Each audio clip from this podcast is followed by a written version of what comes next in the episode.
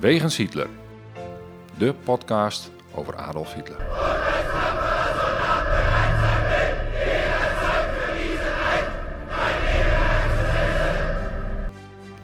Dictator, alleenheerser van 1933 tot 1945. Een man met miljoenen doden op zijn geweten. Das war ein Befehl! Der Angriff Steiners war ein Befehl! Een man waar ongelooflijk veel verhalen over te vertellen zijn. Ook al die jaren na zijn dood. Adolf Hitler heute Nachmittag in seinem Befehlsstand in der Reichskanzlei bis zum letzten Atemzuge gegen den Bolschewismus kämpfen für Deutschland gefallen ist.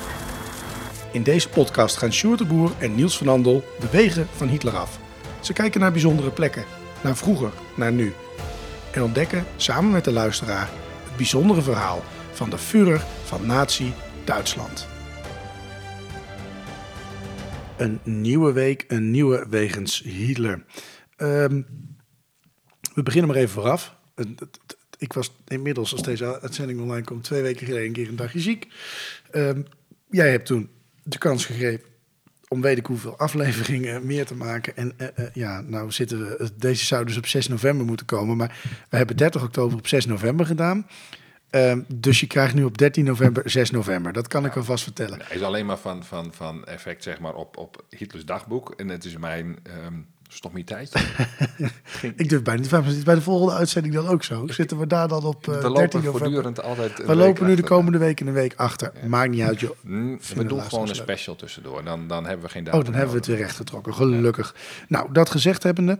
ehm, ehm, ehm, er is een, eh, een, eh, een tip binnengekomen van een luisteraar. Dat vind ik wel even leuk om te vertellen. Dat gaat over een, eh, een, een, een, een Hitlerspel. Een tip van een bordspel in ieder geval. Over het Nederlandse verzet. En het heet Oranje zal overwinnen. Het is gemaakt door Marcel Keuler. En het is al even op de markt. Jij had het gehad over dat Hitlerspel. Dat, dat is dat Hitlerspel. Ja, ja, het, de- eh, de Secret maar, Hitler. En toen zei hij van, ja, maar er is er ook een over het Nederlands verzet. Ja, Ja, ja, ah, dus, dus dat was een goede tip. Nou. En ik, ha- ik had hem inderdaad al eens eerder gezien. Eh, het is al even op de markt. Ja, als je dit nou Ja. wil kopen, dan zal ik even reclame maken weer. Eh, spelspul.nl, dan kun je dan zo'n bordspel kopen. En dat is dan ja, gewoon beter dan de bol. Want de bol is de duivel, hoor ik altijd. Oh, wie zegt dat van de ondernemers. Ja, nee, Is dat, is dat ook weer een demonisering? Ja, we hebben het de vorige aflevering over demoniseren gehad. Nee, ja, ik, ik zal even kort jullie meenemen in waarom dat dan de duivel is. Die, die, die vragen echt best wel veel geld. Eh, kijk, ik, ik bestel ook bij de Bol, een fijne webshop. Maar als je daar eh, ondernemer bent, en je moet best wel veel afdragen, de retourkosten zijn altijd voor jou. Het is van kunst om daar geld te verdienen hoor, met, met je bordspelletje. Dus, ehm, Ja, dat lijkt mij ook. Dat eh, lijkt mij ook. maar goed, dat is even... ehm, ehm, En dat via via, eh, moet ik zeggen, dat is ook geen vooruitgang.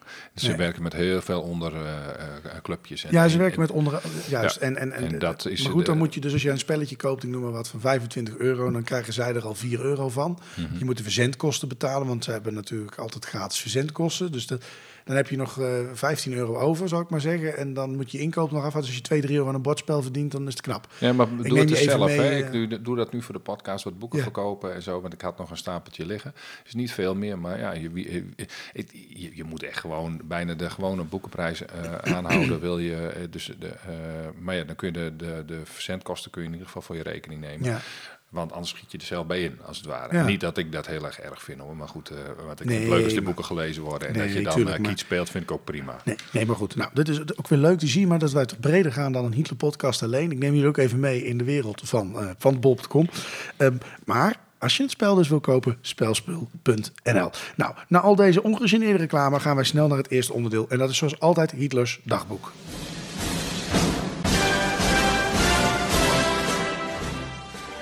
Hitlers dagboek. Het leven van Hitler duurde 20.463 dagen. Wat deed Hitler op deze dagen? Waar bevond hij zich? En vooral waarom?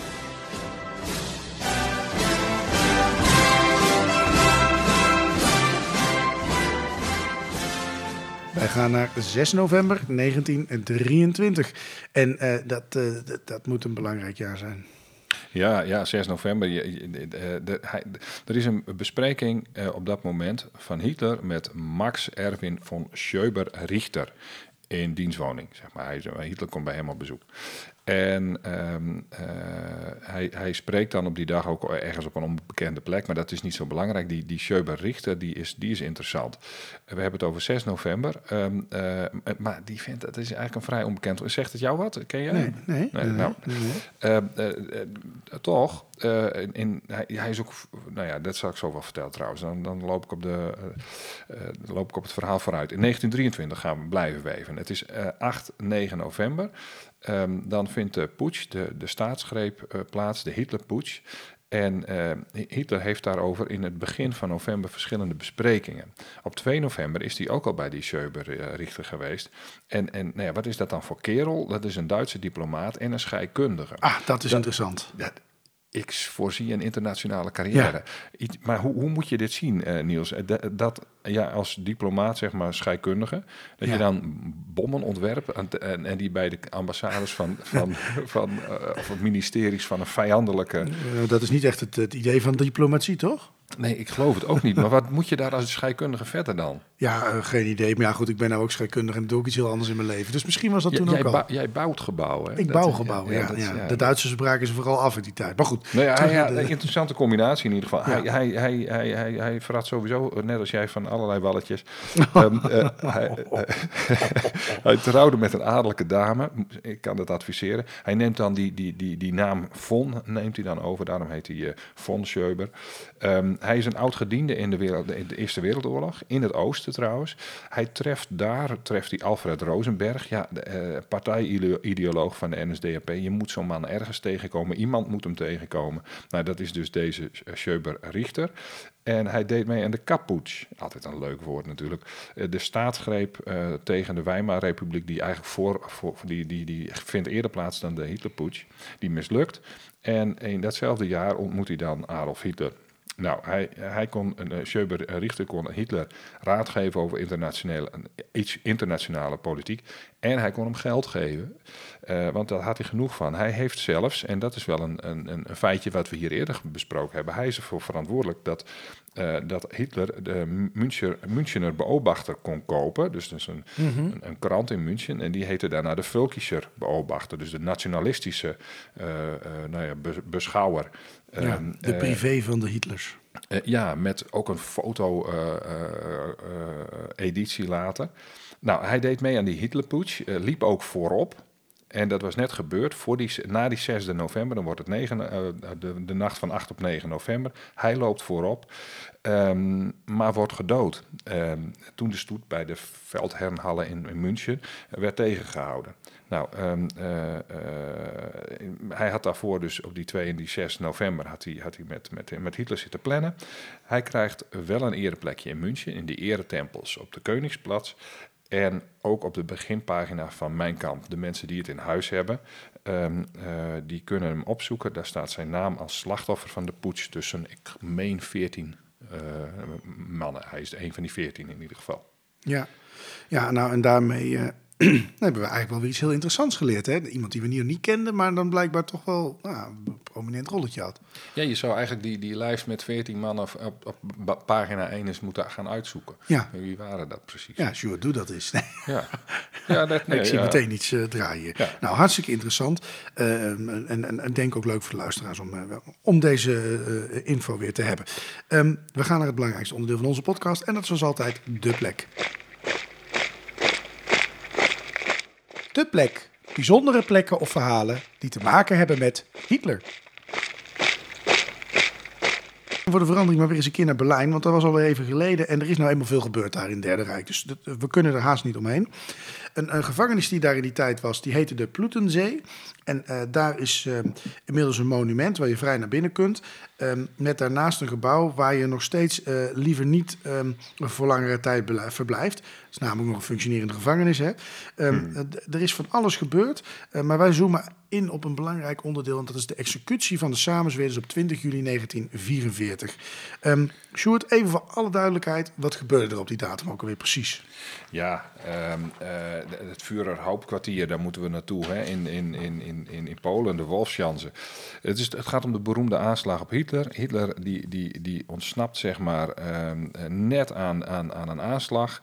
En een klopjacht op die daders, die volgt dan. En de hoofddader, Klaus Schenk, graaf van Stauffenberg, en we noemen hem vanaf nu gewoon Stauffenberg, die wordt doodgeschoten op de binnenplaats van het Bendlerblok in Berlijn. Ja, nou hebben we daar in mei, toen wij in Berlijn waren, hebben we daar nog samen op staan nemen. Hè? Ja, ja. Ehm, dat is terug te luisteren, een special over Berlijn. Ehm, ik hoor je eigenlijk niet andere betrokkenen noemen dat die daar terecht kwamen. Is dat zo? Nee, nee. Andere, kijk, sowieso de mensen die uh, uh, niet direct bij het leger zijn betrokken, die hebben daar ook verder niet zo heel erg veel te zoeken. Want dat is dan een soort, uh, dat Bendelblok, dat is dan, daar zit, daar zit de weermacht zit daar. Um, en andere voor, veroordelen zijn terechtgesteld in die gevangenis Plutzensee die je net noemde. Mm -hmm. en dat zou op barbaarse wijze zijn gegaan. Ze zouden opgehangen zijn aan pianosnaren, vleeshaken met een doodstrijd die soms meer dan 20 minuten uh, duurde. En met als nou ja, opvallend detail dat er een complete, of dat de complete executie werd gefilmd. Um, en die werd dan vertoond aan bijvoorbeeld SS'ers. En dan is er ook nog eens discussie over de vraag van... Hey, zag Hitler nou die film of zag hij die film nou niet? Ja, nou je zegt al, er is discussie over. Dan ben ik toch eigenlijk wel benieuwd, wat, wat denk jij zelf? Heeft hij ze gezien? Ja, weet je, eigenlijk denk ik van niet. En ik, ik, denk dan ook altijd van, van, ik vind het ook wel leuk om te denken van niet. Want als hij een beetje een loveback is, uh, stiekem, dat, dat, dat komt me eigenlijk ook wel weer goed uit. Maar ik weet het natuurlijk niet helemaal zeker. Uh, kijk, uh, hij, hij, zelden werd hij, was hij betrokken bij enge dingen of zo. Hij ging niet even gezellig kijken bij een executie of weet ik veel wat. Maar nu had er iemand natuurlijk wel een bijna geslaagde aanval op hem gepleegd. Dus het zou maar zo kunnen. De verhalen zijn onzeker, weet je. alleen die pianosnaren en die vleeshaken, zijn die echt gebruikt? Dat wordt wel gezegd, maar die film is dus niet teruggevonden. Nee. En of Hitler hem gezien heeft, ja, nou, lastig we, te bewijzen. Laten we hopen dat die films ook nooit meer opduiken, moet ik eerlijk zeggen. Ja. Um, even terug naar die aanslag. Die, die van Stauffenberg, die had al wel eens wat eerder wat pogingen gedaan, hè, maar hij zette ze nooit door.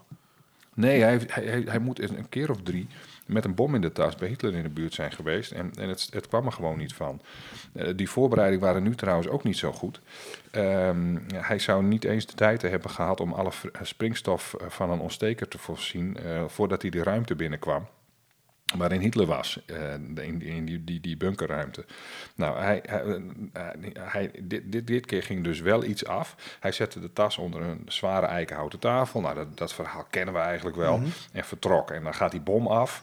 En terwijl Van Stauffenberg al bezig is die Wolfschanze te verlaten en naar Berlijn vertrok, uh, nou ja, uh, zijn ze daar de, de boel aan het nou ja, herstellen en kijken of Hitler nog leeft. Die blijft, blijkt dan te le le leven. Terwijl Van Stauffenberg dus eigenlijk nog de, bezig is van ik moet naar Berlijn, want dan gaan we de macht overnemen. Ja, nou, nou weten oplettende luister al lang dat Hitler zichzelf um, um, in een andere bunker naar een uh, uh, ander universum heeft geknald. Uh, ja, ja, ik zeg het een beetje lachend. Soms is het echt gewoon... Um, we weten dus gewoon, hij overleefde die aanslag. Ja, dat, dat, dat, dat is uh, aanslag. Uh, is, hij heeft een heleboel aanslagen overleefd.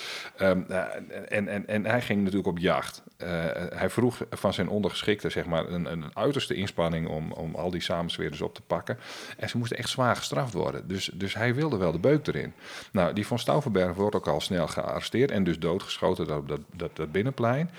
Um, en uh, nou ja, dat, dat, dat kun je nog wel eervol noemen, hè? want, want um, dan ben je wel op de plek van, van, van, van jouw leger. Ja. Maar die andere samensweerders, die, die, die komen dan voor het Volksgerechtshof. En dat is, uh, die, daar staat die fanatieke natierechter Roland Vrijsler ook. En um, daar hebben wij ook in mei een kleine special over gemaakt. Ja, ja we hebben daarbij gestaan. Ja, zeker. Ja. Ja, ja, In de plek waar dat gebouw was. Nou, die, uh, 7 en 8 augustus 1944 komen dan de eerste acht samensweerders uh, voor dat Volksgerechtshof. En die gaan dus niet voor een uh, militaire rechtbank.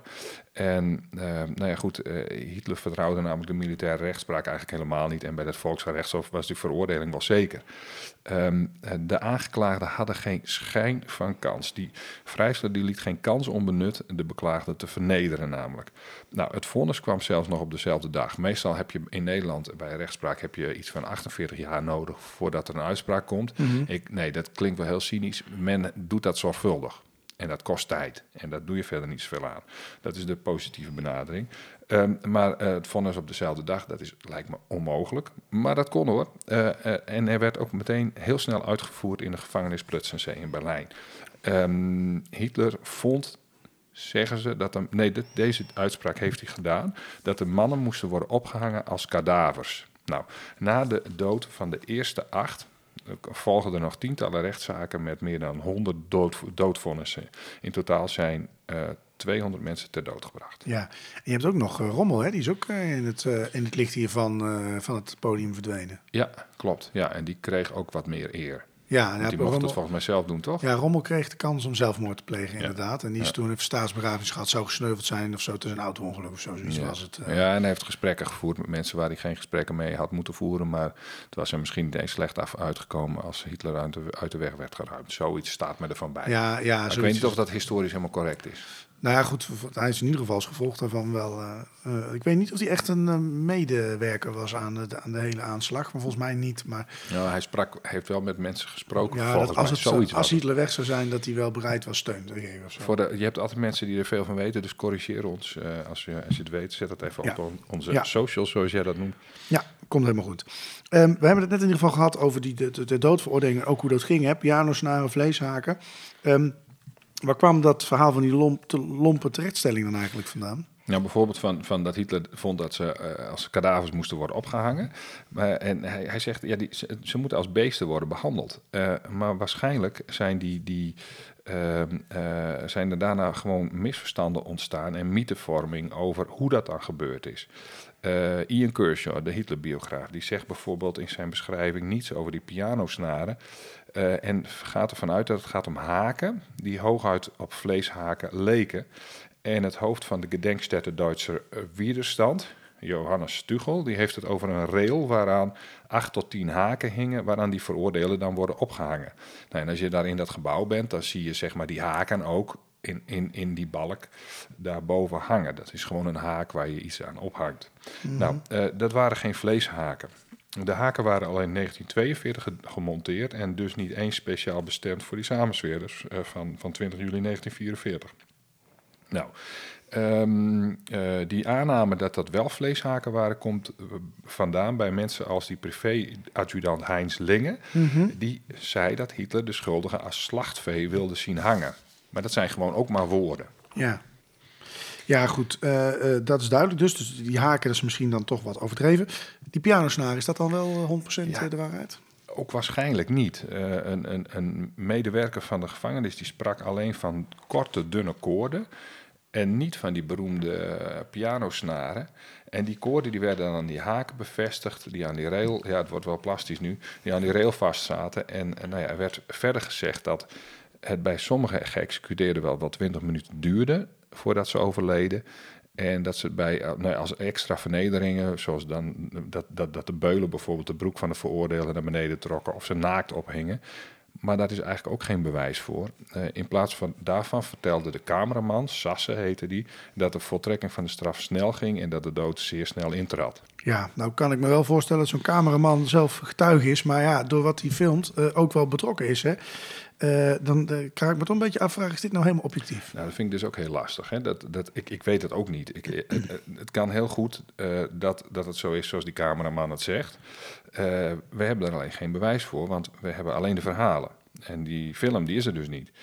Um, van de terechtstelling van de 8 augustus zou dat filmmateriaal in ieder geval hebben bestaan. Daarna zijn dus ook nog een heleboel mensen omgebracht. Um, en het gebin, uh, wat in ieder geval gezegd wordt, is dat in het begin van die film, dan zie je shots van de gevangenen in hun cel.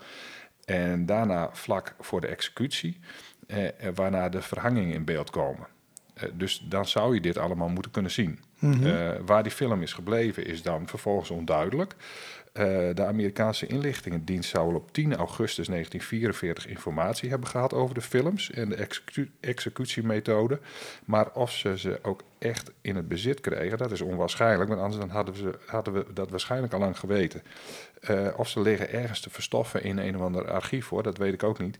Je zou denken dat die film er dan namelijk nu ook nog was. Hè? Maar goed, eh, Walter Frens, een van de bekendste filmers in het Derde Rijk, die dacht na de oorlog dat ze nog bestonden. Ik weet niet waar hij dat op baseerde. Ehm Heinz Tassen, die, die, die filmmaker die ik net noemde, die, die dacht namelijk van niet. En eh, er is wel iets gezegd over dat op 17 januari 1945 eh, die film in een brandkast van het ministerie van Propaganda in Berlijn heeft gelegen, bij Goebbels dus. Nou, dat is wel iemand eh, die dat soort materiaal zou vernietigen.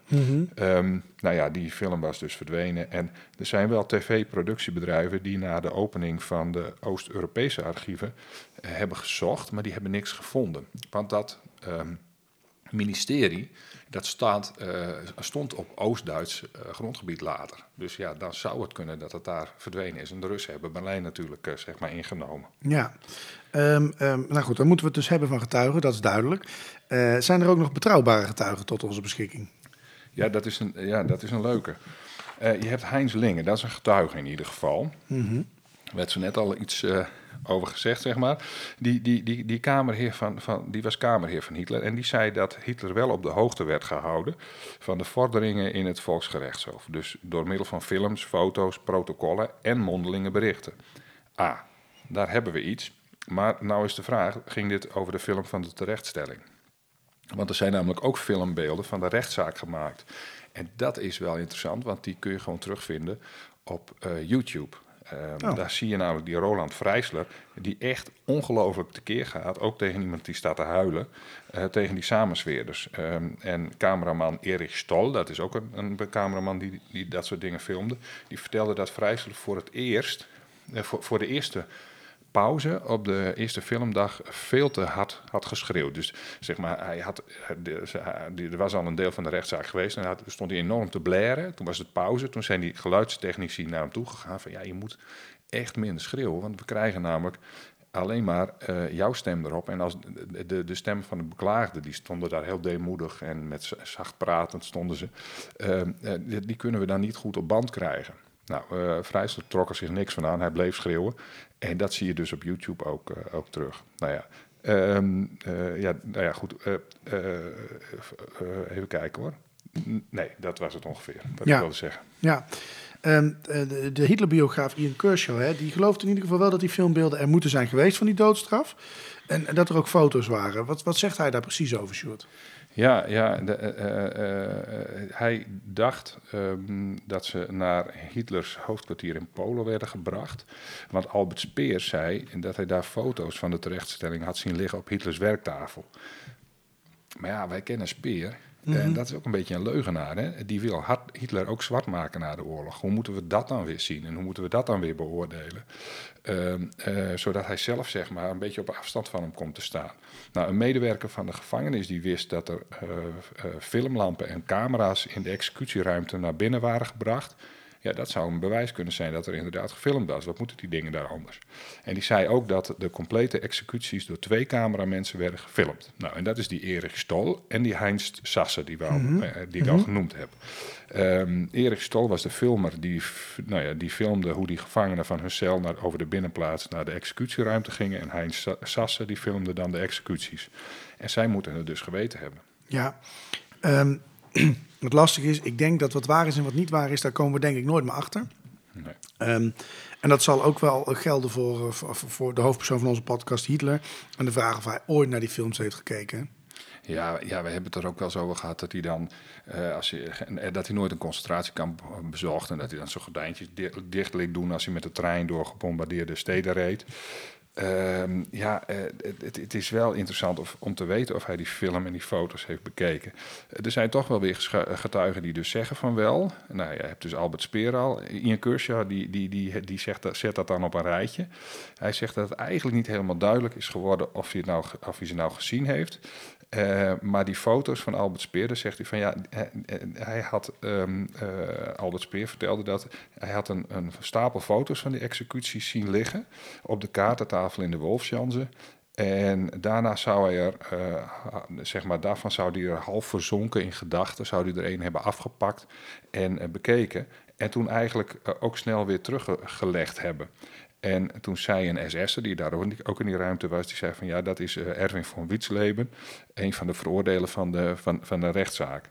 En toen vroeg hij van, wil je de rest van de foto's ook bekijken? En Speer wilde dat niet. Nee, dat komt hem na de oorlog ook wel goed uit van, nee, daar wil ik niks mee te maken hebben met dat soort ellendige, eh, ellendige toestanden. Dus eh, die is zichzelf ook aan het verdedigen. Nou, s'avonds werd volgens Speer zelf de film van de executies vertoond, beweert hij. Dat is een interessante uitspraak natuurlijk, maar die wilde en kon hij ook niet zien. Daar hij dus ook afstand van houden. Hij heeft hem dus niet gezien. Ehm, maar hij zag wel verschillende SS'ers en burgers naar de bioscoop van de Wolfsjansen gaan. En, maar dan zegt hij later in een beroemd eh, interview in Playboy dat Hitler de film keer op keer bekeek.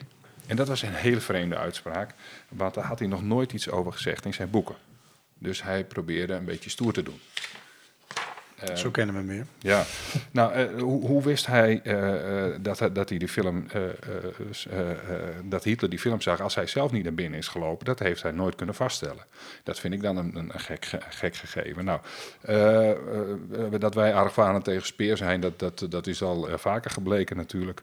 Ehm, de getuigen die bevestigen wat Speer zijn, zijn er trouwens ook nauwelijks. Veel medewerkers van Hitler die bestreden zelfs dat Hitler hem gezien heeft. Maar ja, de vraag is ook weer, zijn die betrouwbaar? Ja, want die willen misschien hun vuren weer beschermen. Eh, Precies, dus dat is steeds de discussie die je in, in dit soort onderzoek krijgt. Hitlers adjudant Nicolaas van, eh, van Belo lijkt eh, redelijk nauwkeurig. En hij was eigenlijk voortdurend bij Hitler in de buurt. Dus nou wat zou die dan zeggen? Nou, die, die zegt van ja, hij bekeek de foto's van de terechtstellingen nauwelijks. Net zoals hij de foto's van ruïnes van steden zo weinig mogelijk bekeek. En net zoals hij gebombardeerde steden nooit bezocht. Nee, dat hebben we ook al gezegd. Maar dan eh, eh, nou ja, zag hij dus wel het een en ander. Eh, zo weinig mogelijk betekent niet dat hij ze niet zag. Ja, Nee, we, het blijft onzeker.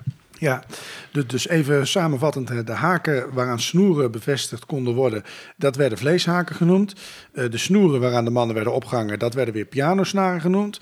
De executiemethode die al vernederend genoeg was, werd extreem vernederend, vernederend en eh, mensonterend genoemd. Ehm, ehm, ehm, eh, en van voorbeelden daarvan wa- was dan dus het naakt ophangen. En dat het soms wel twintig minuten lang duurde voordat je nou ja, je lichaam het gewoon opgaf. Ehm, maar er is in ieder geval bewijs van eh, nee, niet gevonden. Het is afwezig.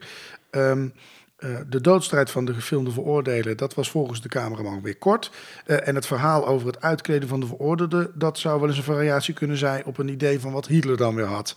Ehm, om, om de veroordeelde dus in gevangeniskleding op te hangen en niet in lege kleding. Ehm, dat was eigenlijk voor de militairen al vernederend genoeg, want Duitsland was een enorm land van eer. Eh, en hoe de omstandigheden eh, dan weer wel precies zijn geweest, zou te zien moeten zijn in een beruchte film, maar die is dus wa- waarschijnlijk verdwenen, zal wel nooit meer boven tafel te komen. Ehm, en, en, en, en dan de klapper op de vuurpijl, of Hitler die film ooit gezien heeft, ja, dat is onbekend. Zo.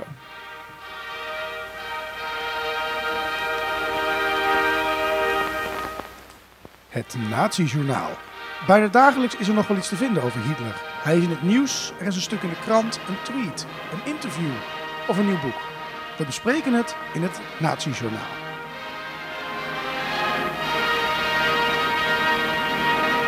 Ja, het Nazi-journaal. Sjoerd, we beginnen met jou, want jij bent eh, recent jaren geweest en jij hebt weer wat gehad, dus dat moeten we bespreken. Ja, ja een, een, een, nieuw boek. Ehm Goebbels, Hitlers duivelse propagandamachine. Eh, is net uit van Arie Pieter van Bovenkamp en Hendrik eh, van Capelle. Interessante figuren hoor. Ik, ik heb ze, Zijn dat Nederlanders? Ja, dan denk ik. Ja, ja ze, Kunnen ze niet uitnodigen? Gelezen. Eh, dat kan ik wel eens een keer doen, ja, trouwens. Ja. Het is wel lang geleden dat we een schrijver hebben gehad. Ja, dat is wel leuk. Dat ga ik ze vragen. Ik, ik, ik, kom- ik, ik kom ze wel eens tegen. Dus ehm, eh, ik, en ik heb ook een app. Ik, dat ga ik doen. Ja, ja dit zijn, ze zijn ook op heel veel plekken geweest. Dus eigenlijk moet het over meer gaan dan, dan, eh, dan nou ja, alleen dit boek. Ehm, eh, er zijn figuren eh, als Albert Speer hebben ze bijvoorbeeld zelfs geïnterviewd. Kijk. En, eh, ze hebben ook boeken samengesteld. Eh, Ja, mensen die al jaren geleden boeken kochten Die hebben misschien het boek over het adelaarsnest wel in de, in de kast staan. Dat is heel veel verkocht. Ehm, en ze hebben nu, zeg maar, dat, dat hun procedé hebben ze tot in het extreme ehm, eh, doorgevoerd. Want ze waren altijd al bezig met en plaatjes en tekst en het verhaal vertellen en daar foto's bij te doen. Maar toen zijn ze op een gegeven moment met een fotobiografie van Hitler begonnen, met iets van 2000 foto's van Hitler. En daar waren ze eigenlijk ook de veel wat bekendere fotobiografie van Somers en Kok. Dat is ook een mooie biografie trouwens, met foto's. Daar waren, daar waren ze eigenlijk ruim voor. En er staan natuurlijk veel meer foto's in die van, van, uh, van de bovenkant en van Capelle dan, dan bij Somers en Kok. Maar goed, is wat, ja, goed. En, en, en daarna hebben ze een van Geuring uitgegeven. En nu is er dus een van Goebbels. En hij is net binnen bij mij, dus ik moet hem echt nog even doornemen. Er zit weer knettervol foto's, duizend stuks. Kijk, hartstikke interessant. Leuk boek dus. En uh, we gaan kijken of we de schrijvers hier naartoe kunnen halen. Um, um, uh, we gaan even naar de, onze nieuwe subrubriek. Uh, de Stuart gewoon ingevoerd. dat is oud nieuws. En het is misschien ook wel leuk als luisteraars een oud nieuwtje hebben. Dan kunnen we dat eens een keer opnemen. Dus hartstikke leuk om dat toe te voegen.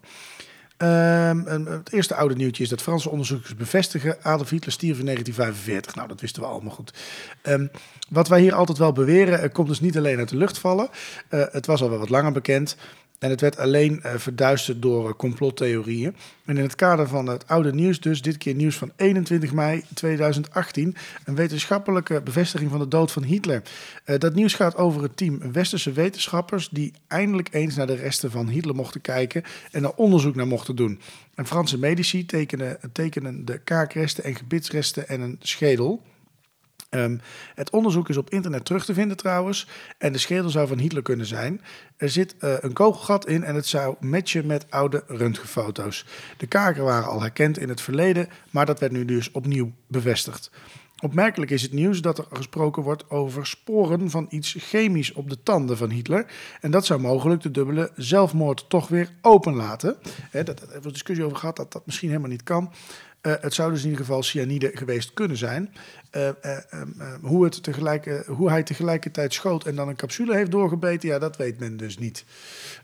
maar goed, het zou kunnen. Hè, dat, dat, of misschien dat door het schot zijn mond dichtklapte en Ja, dat het gif ja, in zijn mond ja, kwam. Ja. Eh, ja, ik moet zeggen dat ik dat toen in de, in, in, in de Hitlermythes heb ik gezegd van nou, het, de ideeën zijn nu dat het, dat het waarschijnlijk de kogel is. Eh, ja, er zit iets van een aanslag op. ja, Ehm, en dat zou, kunnen. dan, zou kunnen. Ik bedoel, dan staat het daar. Nee, dan is dat het enige zinnetje in het boek dat niet klopt. Ja, precies. Maar goed, het is nog te koop. Eh, een ander oud nieuwtje is de galerijhouder van uh, Mijn Kamp. Ehm, ehm, ehm, ehm, nou, dan moet ik, ik moet het anders zeggen. Een galerijhouder, die, dus een winkelier die in Mijn Kamp verkocht, die, die, die is vrij uitgegaan. Eh, een vraag die we nog wel eens terug tegenkomen is of je Mijn Kamp nu wel of niet in Nederland mag verkopen. Eh, de kwestie speelde in 2016, 2017, toen een verkoper in Amsterdam het in de winkel had liggen. Nou, u herinnert het zich vast allemaal nog. Uh, het nieuws uh, op 14 februari 2017 was dat de verkoper vrij uitging. Uh, de Hoge Raad bepaalde namelijk dat de verkoop onder de vrijheid van meningsuiting viel. zo lazen we toen op de NOS. En dat betekent volgens ons dus ook dat het boek in Nederland verkocht mag worden. En um, daarover gezegd hebbende, um, ik denk dat er maar weinig mensen in Nederland nog zijn die echt Hitler-aanhanger zijn.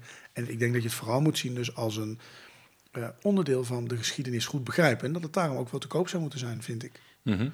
Uh, en het gaat volgens mij niet naar Hitler. Maar misschien moet je dan de winst En, daarvan ja. of zo uh, geven aan... Ach, er is niemand die dat boek uh, begint te lezen uit een of ander raar politiek idee. Want dat, het is onleesbaar. Dan, dan, het is vrijwel onleesbaar. En de Ja. kritische edities die kun je wel lezen. En er is ook een Nederlandse versie die gaat wat meer in op de inhoud. Ja. En dat is, eh, die zijn veel leesbaarder. Ja, precies.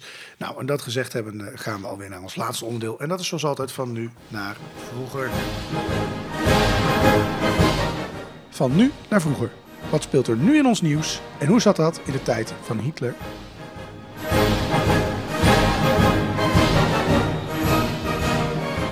Ja, um, het stormde de afgelopen week, nu twee weken geleden. Hè, een flinke storm en oh, wat was het allemaal zwaar en het hele land zou omvallen. Nou, volgens mij is het wel meegevallen, want ik heb beelden gezien uit Frankrijk dat ik dacht, nou, hij zat aan de goede kant van de storm. Ja, wij zaten sowieso aan deze kant uh, iets meer land inwaarts, Ja. zit je wat beter. Want ik, aan, aan de kust was er nog wel stevige wind. Jawel, maar het heeft hier minder gespookt dan in, eh, in Engeland. en in Ja, duidelijk. Maar goed, Ja. Ehm, eh, dat deed ons denken aan slecht weer. Eh, heeft dat wel eens in het verleden een belangrijke rol gespeeld? Nou, dat is zeker zo. Dat is namelijk ehm, ehm, zo geweest tijdens ja, de, D-Day-landing. Hè? Die, die, Ja, die stonden ja. eigenlijk eerder gepland dan dat ze daadwerkelijk uitgevoerd zijn. Ehm, en wat was er aan de hand? Het, het was, eh, nou, ik geloof 4 juni of zo, doet er ook niet precies toe. In ieder geval, eh, het was slecht weer. En eh, het is niet zo heel erg fijn om de Noordzee te zitten als het slecht weer is. Maar En je vliegtuigen kunnen de lucht niet in. Dus dat, dat speelde allemaal mee. Dat had ook weer voordelen. Ja, dat had ook wel weer voordelen natuurlijk. Maar goed, we, goed, ik zal me er niet mee bemoeien. We nemen even, wat- Neem ons nemen even mee. wat door. Neem ons mee. Ehm, het, het- we hebben hier een, een, een, het artikeltje en daar staat in... eh, regen valt uit eh, eh, een grauw laaghangend wolkenpakket. En tot stormachtig aantrekkende zuidwestenwind... stuwt hoge golven tegen de kust van Normandië. Nou, je snapt, ik wil daar landen. Die golven zijn niet handig als ik met mijn bootje vol met soldaatjes aankom varen. Ehm, er is een groep meteorologen geweest in ieder geval...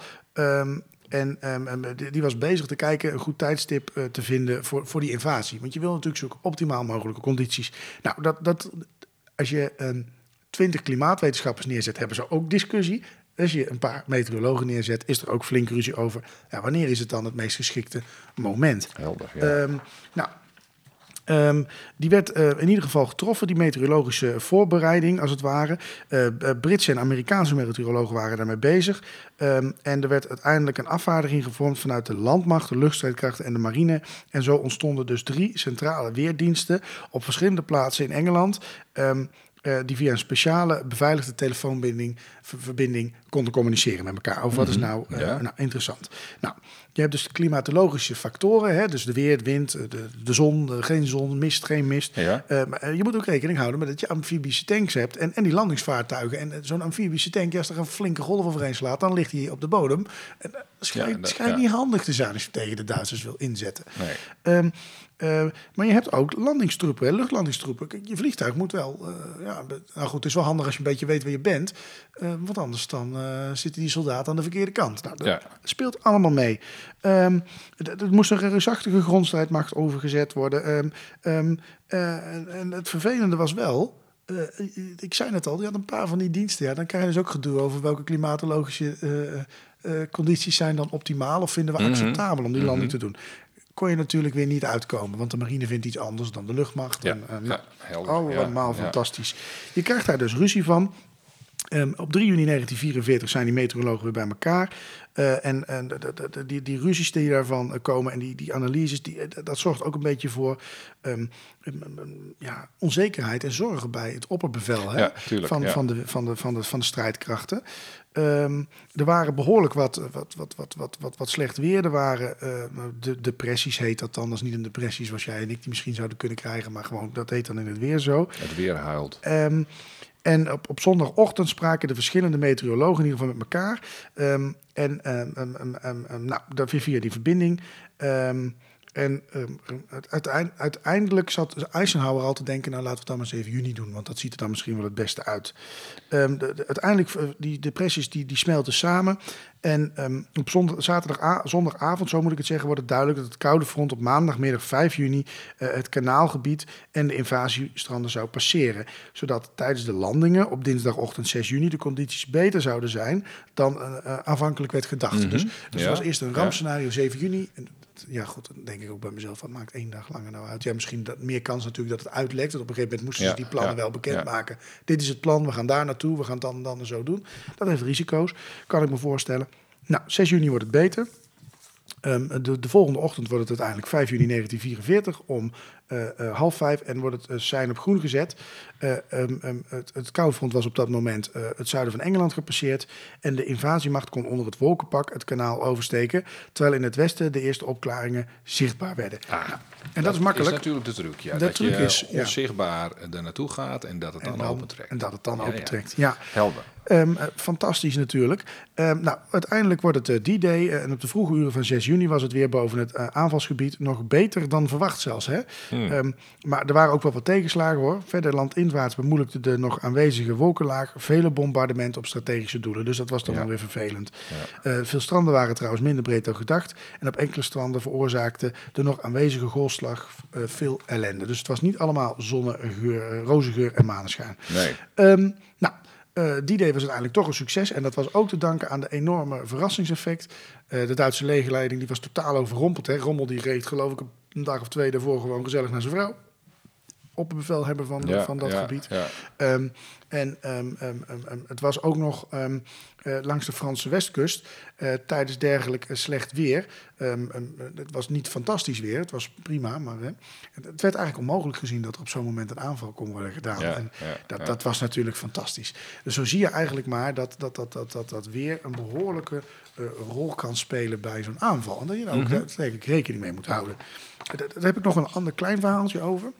Je hebt op een gegeven moment de Battle of the Bulge. Hè. Op, eh, 21 december begint die, geloof ik. Die strijd eh, eh, om het, eh, het Ardennen-offensief wordt, Ja, wordt ja, nog ja. een keer dunnetjes over gedaan. En dan was het heel mistig. En dat is de reden dat het Ardennen-offensief voor die Duitsers in het begin zo fantastisch verliep. Want die Duitsers hadden een Luftwaffe dat, dat, dat nog wel enigszins functioneerde. Maar de hoofdtaak was het beschermen van de Duitse industrie. Hè? Dus het mocht Duitsland verdedigen, maar dat was het ook. Kon dus niet meer mee aanvallen. Die tanks van die Duitsers die rukken op door dat Ardennen. En en omdat het zo mistig is, kan de geallieerde luchtmacht, die al lang superieur is, niet mee aanvallen. Nee, nee. Op een gegeven moment klaart het weer op. En dan kunnen ze terugvechten, de, de, de luchtmacht van de, van de geallieerden. En dan zie je ook dat de Duitsers enorme verliezen beginnen te lijden. En dat het allemaal de mist in loopt. En uiteindelijk dat offensief dus stil komt te liggen. Nou, en daar hebben wij dus een fantastische brug, vonden wij zelf eigenlijk wel, met eh, van nu naar vroeger. hè. Ja, absoluut. Ja, Ja. helder. Nou, en daarmee eh, komen we alweer aan het einde van deze interessante uitzending. Eh, waarin we het hebben gehad over de, de, de, de, de verzetsdaad van Van Stauffenberg en de gevolgen daarvan. En eh, nou ja, laten wij in ieder geval blij zijn dat onze rechtszaken 100 jaar duren, maar wel heel eerlijk verlopen.